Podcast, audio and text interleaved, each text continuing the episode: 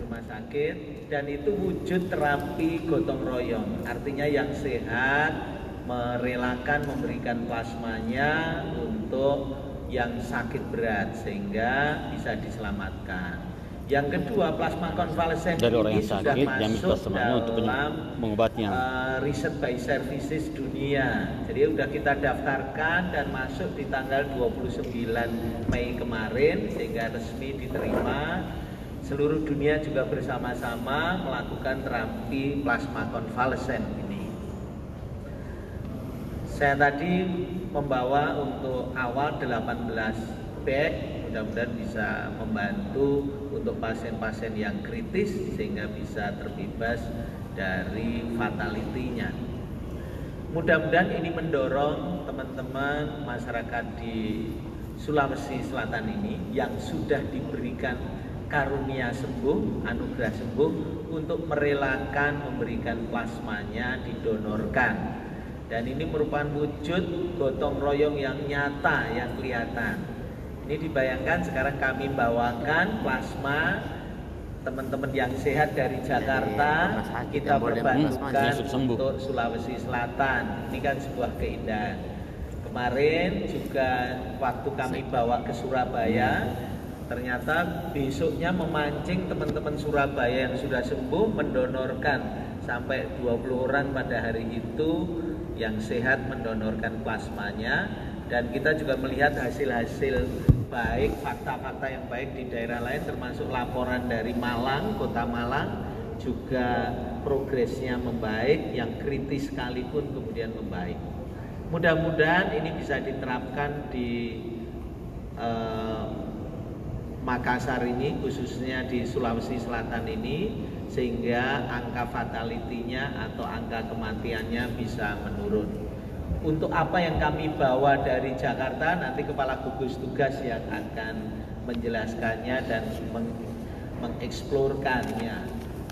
Saya sesuai dengan arahan untuk bagaimana menurunkan angka kematian ini salah satunya selain obat-obatan sudah kita drop obat-obat panduan nasional maupun kalau nasional kan 30 sudah kita drop di sini sudah kita berikan ya ini kalau ada nasional CFR-nya 5,9 untuk mensupportnya yaitu plasma konvalesen.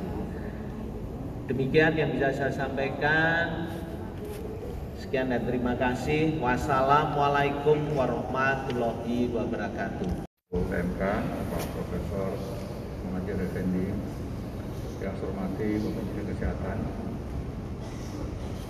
Pak Gubernur Sulawesi Selatan yang juga kami banggakan serta seluruh pimpinan, Bu anggota DPR RI, Ketua DPRD, Bapak Pangdam, Bapak Kajati, para unsur Forkopinda termasuk Kabinda, Ibu Rektor, Bapak Dekan, para pakar yang hadir, teman-teman dari Jakarta, ada Bapak Deputi dari Kemenko PMK termasuk Pak Dirjen Mendagri teman-teman dari gugus tugas ada Pak Jori Pak Panglima TNI dan tadi sudah dikenalkan oleh Pak Menko calon dubes mungkin sudah harusnya Pak Menko aja melantik Tommy terima kasih banyak Pak uh, dan juga ada Pak Kua temannya Pak Nurdin Abdullah, Pak Gubernur, serta hadir sekalian. Eh, datang ke Makassar ini seperti pulang kampung. Rasa-rasanya lebih ini. sering saya ke Makassar daripada ke kampung halaman saya. Begitu keluar bandara, langsung ketemu Potrem Besi. Tadi di jalan tol dan juga di Karebosi ketemu lagi transmisi. Jadi Sulawesi Selatan khususnya eh, Makassar ini salah satu daerah yang mungkin paling banyak pohon transmisinya. Dan ini tidak terlepas dari peran serta seluruh komponen masyarakat di Makassar dan sekitarnya yang bersedia untuk menanam pohon waktu itu mungkin nggak begitu diperhatikan atau mungkin kurang begitu menarik tetapi alhamdulillah hari ini pohon bisa memberikan dampak yang positif buat kita semua Pak Menko, saya eh, mungkin tidak eh, terlalu panjang lebar. Intinya saya merasa bangga tadi penjelasan dari Pak Gubernur dan juga Bapak Dekan Fakultas Kesehatan Masyarakat eh, Ini. Universitas Hasanuddin, Iya. Pakar epidemiologi. Menurut saya apa yang sudah dilakukan oleh gugus tugas provinsi Sulawesi Selatan sudah merupakan langkah yang sangat tepat. Hanya sekarang apa yang harus dijaga untuk supaya kasus itu tidak berkembang ya. Sulsel ini termasuk yang terbesar, lima besar di Indonesia. Betul. Tetapi itu pada beberapa minggu yang lalu tercatat hampir 2000 kasus. Kemudian korban meninggal juga cukup tinggi, tetapi beberapa hari terakhir itu nol. Iya. Ya, kemudian yang sembuh juga sudah semakin banyak. Ada sekitar 673 orang yang sembuh sampai dengan tanggal kemarin. tanggal 6. Nah ini menunjukkan bahwa komitmen pemerintah Provinsi Selatan bersama dengan komponen masyarakat dibantu oleh TNI, Polri, Binda, yang unsur-unsur pusat yang ada di daerah termasuk kejaksaan telah membawa dampak yang sangat positif. Sekarang apa yang perlu dilakukan supaya momentum ini tidak mengalami kemunduran? Karena ada kalanya masyarakat ketika mendapatkan informasi ada perubahan yang positif, lantas mulai agak kendor, agak lengah dan menjadi kurang waspada. Nah, di sinilah pentingnya peran dari tokoh agama. Sulsel memiliki ciri-ciri yang unik di mana tokoh adat memiliki peran penting. Kearifan lokal harus menjadi ujung tombak. Saya merasa sangat terkesan ketika menyaksikan sebuah video pendek seorang ibu-ibu ketua RT itu dengan sapu lidi lantas mengingatkan masyarakat sekitarnya untuk masuk rumah. Iya. Iya. Itu kalau tidak salah di kota Makassar ya. Iya. Nah, itu menjadi kesan yang luar biasa.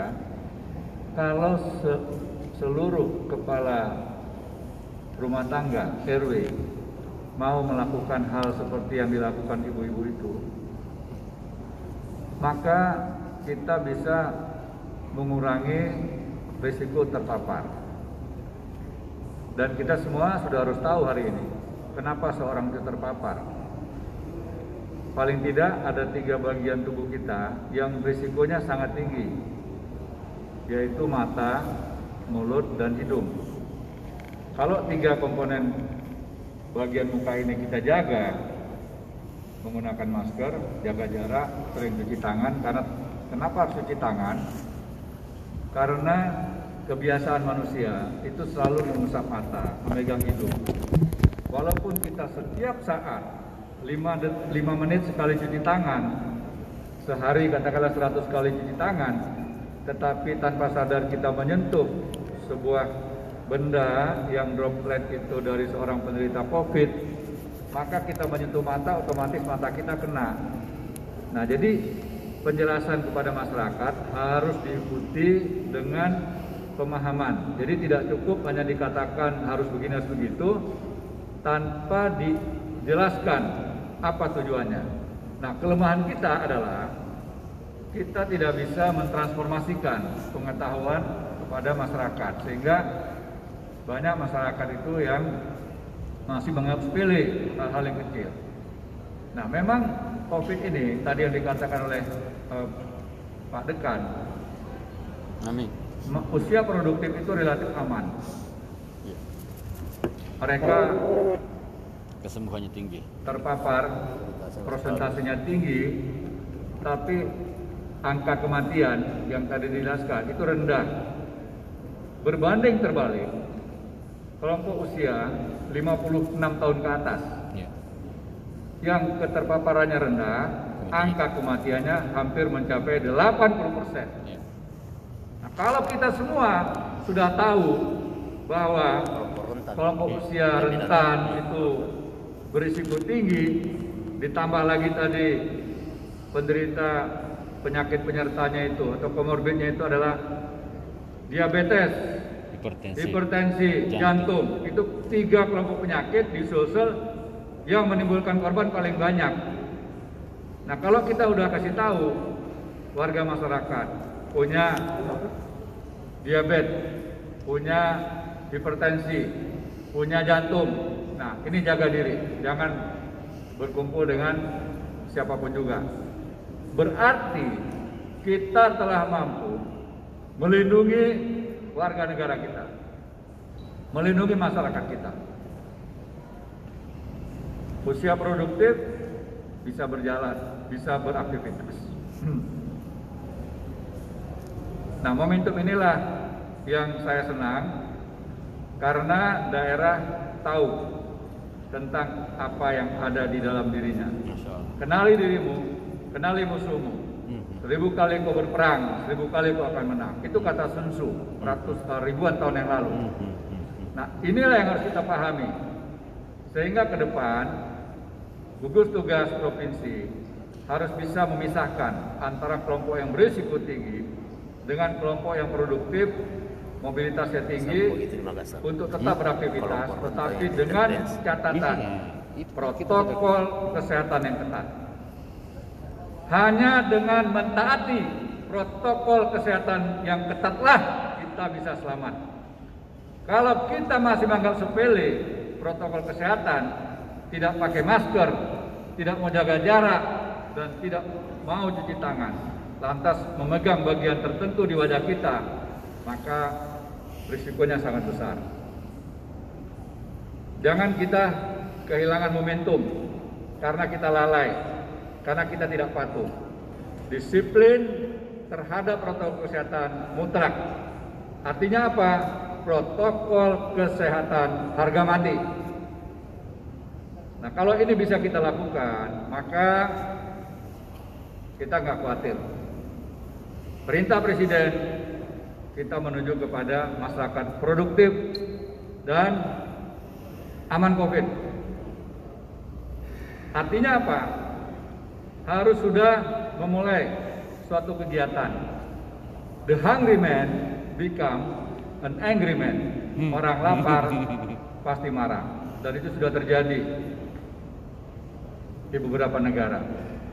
Kita tidak ingin yang tadi dikatakan oleh Bapak Menko PMK. Jangan biarkan perut masyarakat lapar. Masalah kesehatan sangat penting, tetapi juga membuat masyarakat tidak boleh kosong perutnya, itu juga sama pentingnya. Perut yang kosong, perut yang lapar akan membuat imunitas seseorang itu rendah. Jadi ketika kita harus menjaga masyarakat tidak boleh terpapar COVID, maka kita pun harus bertanggung jawab agar rakyat tidak terkapar karena PHK. Membuat masyarakat tidak punya pekerjaan, kehilangan penghasilan, tidak punya kemampuan daya beli, gizinya tidak terpenuhi, imunitasnya turun, tinggal nunggu waktu.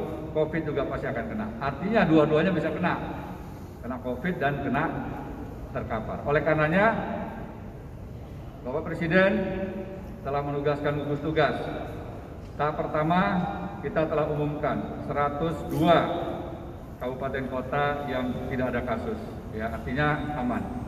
Nah di Sulsel ini ada satu yaitu Kabupaten Toraja Utara, ya. Nah ini perlu dipelajari juga. Kenapa Toraja Utara nggak ada kasus? Tentu ada sesuatu. Nah tidak ada salahnya kabupaten lain belajar dari Toraja Utara. Kemudian masih ada beberapa kabupaten kota yang juga statusnya masih rendah ya. Nah, kami dari gugus tugas positif sudah akan mencoba untuk mendapatkan data yang akurat setiap hari. Dan data ini tentunya akan selalu kita evaluasi. Nanti setiap minggu akan kita umumkan. Tadi siang seluruh kepala dinas provinsi kabupaten kota ada Vikon dengan tim dari Kementerian Kesehatan, dari gugus tugas dan Kementerian Dalam Negeri untuk membahas rumusan sehingga formulasi untuk menghitung agar pembagian tingkat risiko ancaman itu sama seluruh Indonesia. Ada yang pakai RT, R0, dan juga ada yang menggunakan metode dari WHO tentang pentingnya ada tiga kategori surveillance, epidemiologi, dan sistem pelayanan kesehatan. Nah ini semuanya harus kita rangkumkan, termasuk juga angka kematian yang sudah diingatkan Bapak Menteri Kesehatan dan juga Bapak Menteri Dalam Negeri itu semua masuk. Nah kesepakatan ini hendaknya menjadi rujukan kita dan setiap minggu gugus tugas akan menyampaikan informasi mana daerah-daerah yang bisa bertahan dengan klasifikasi risiko rendah dan juga sedang serta tinggi. Semua ini memerlukan kerjasama, memerlukan semangat gotong royong. Baru saja kita memperingati hari lahirnya Pancasila. Kami gugus tugas dari awal telah menyampaikan sebuah metode dalam menangani ini, yaitu kolaborasi pentahelix berbasis komunitas. Dan Sulawesi Selatan memiliki semangat gotong royong yang juga sangat tinggi. Tarifan lokal yang ada inilah kita harapkan bisa membantu pemerintah pusat dan daerah untuk menyampaikan pesan kepada masyarakat bahwa kalau masyarakat itu patuh dengan protokol kesehatan, insya Allah bisa selamat. Sehingga aktivitas-aktivitas bisa dijalankan.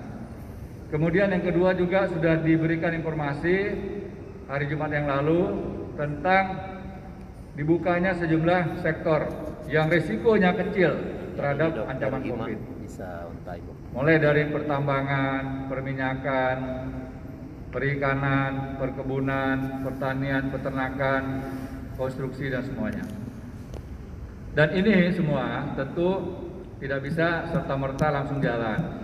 Dibutuhkan sosialisasi, dibutuhkan edukasi, dibutuhkan simulasi. Dan semua pihak yang terkait harus betul-betul mempersiapkan diri sehingga ketika nanti dilaksanakan tidak ada kasus yang terjadi. Kita semua harus bertanggung jawab.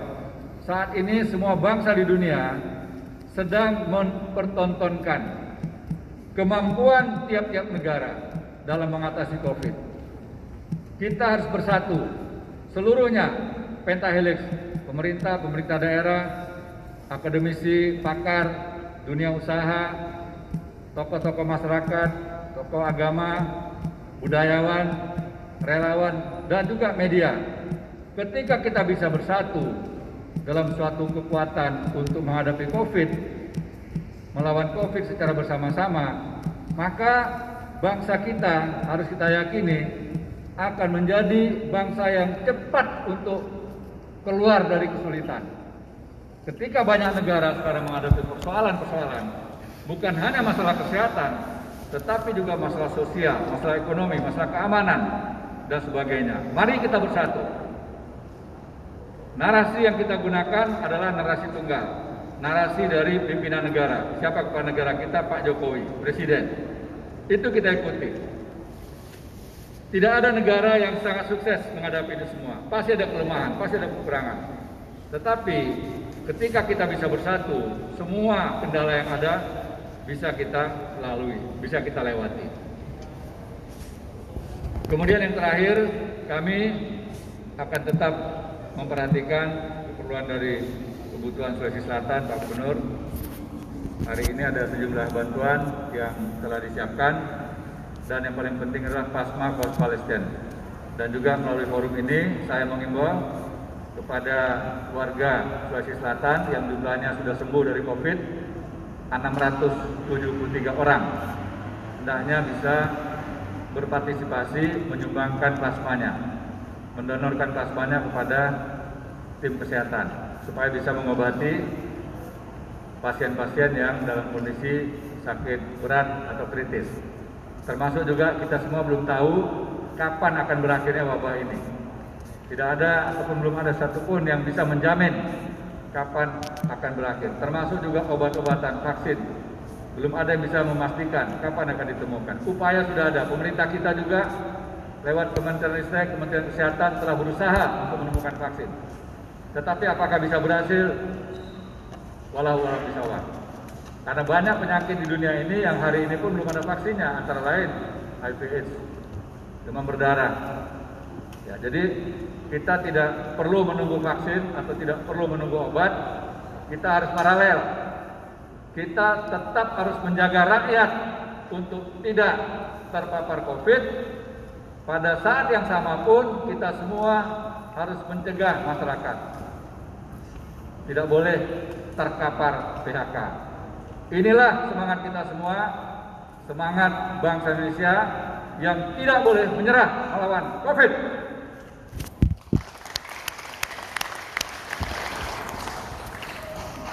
Saya rasa itu yang dapat saya sampaikan. Sekali lagi terima kasih.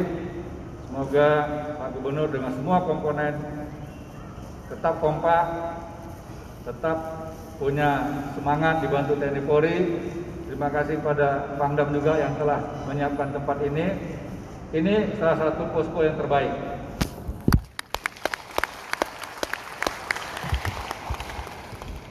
Jadi dengan adanya posko ini, saya yakin semua persoalan bisa diatasi. Demikian, terima kasih. Wassalamualaikum warahmatullahi wabarakatuh.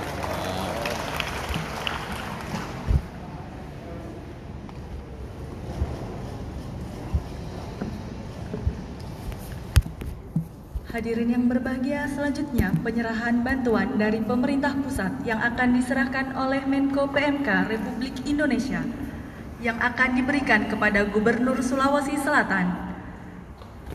Dimohon kesediaannya Bapak Profesor Dr. Muhajir Effendi MAP didampingi Bapak Menkes Republik Indonesia, Kepala BNPB dan anggota DPR RI untuk menyerahkan bantuan